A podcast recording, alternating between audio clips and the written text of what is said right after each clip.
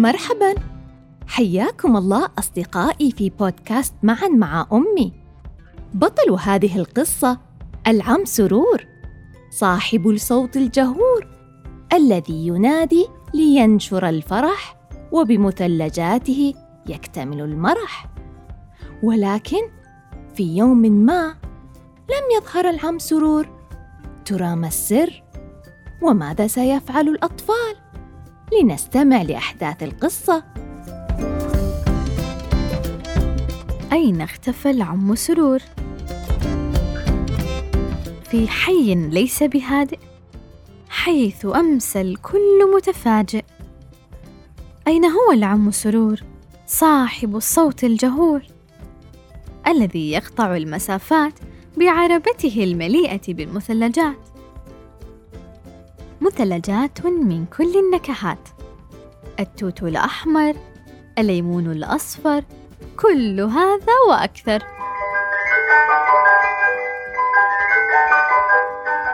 في عربته الصغيرة خيارات كثيرة.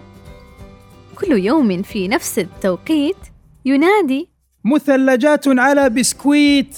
فيجتمع الأطفال من كل مكان في حديقة الحي المسورة بأمان. ولكن أين اختفى العم سرور صاحب الصوت الجهور؟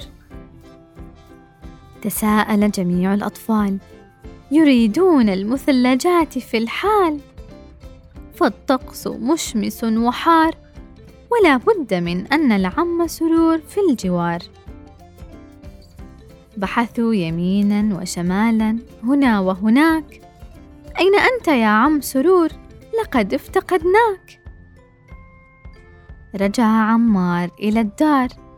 يسأل أباه باحتيار. أين اختفى العم سرور؟ صاحب الصوت الجهور. قرر أن يجتمع كل الآباء. وأن يذهبوا إلى بيت العم سرور ليوافوا الجميع بالأنباء. وجدوا العم سرور. حزينا غير مسرور. خاوية عربته لا بد أنه معذور. قال العم سرور لقد اختفت جميع النكهات. للأسف لا مزيد من المثلجات. تساءل الجميع ما العمل؟ كيف سنصلح هذا الخلل؟ قرر الأطفال عرض المساعدة في الحال. يفكرون في كل احتمال. ربما نجدها في المزرعة الكبيرة. فواكه لذيذة ناضجة وكثيرة.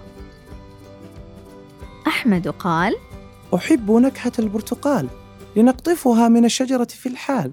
قالت تالا أحب نكهة التوت لونه أحمر كالياقوت.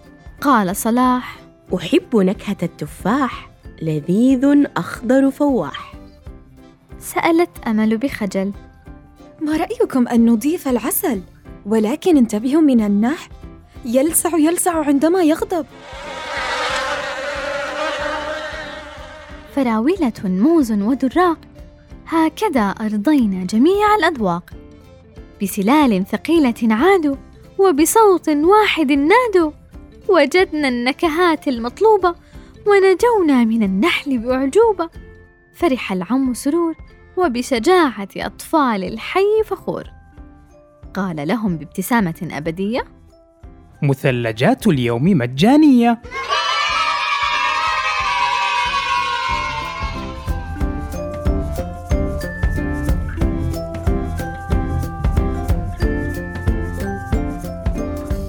أصدقائي بعد سماعنا لحكاية لذيذة تملأها المثلجات والبهجة. فكروا مع ماما ما الذي يعطي المثلجات ألوانها؟ مثلا المثلجات حمراء اللون. يمكن أن تكون بطعم التوت أو الفراولة. فماذا عن المثلجات الزرقاء والصفراء والخضراء؟ والبنفسجية كذلك. ولا ننسى أخيرا ما اعتدنا على فعله. هيا فلنحضن أنفسنا ونردد. أنا مميز. أنا مفكر. أحب نفسي. وفخور بها. أنا قارئ اليوم. أنا قائد الغد. شكرا لكم على حسن استماعكم. نلقاكم مجددا في بودكاست معا مع أمي من إثراء. دمتم في أمان الله.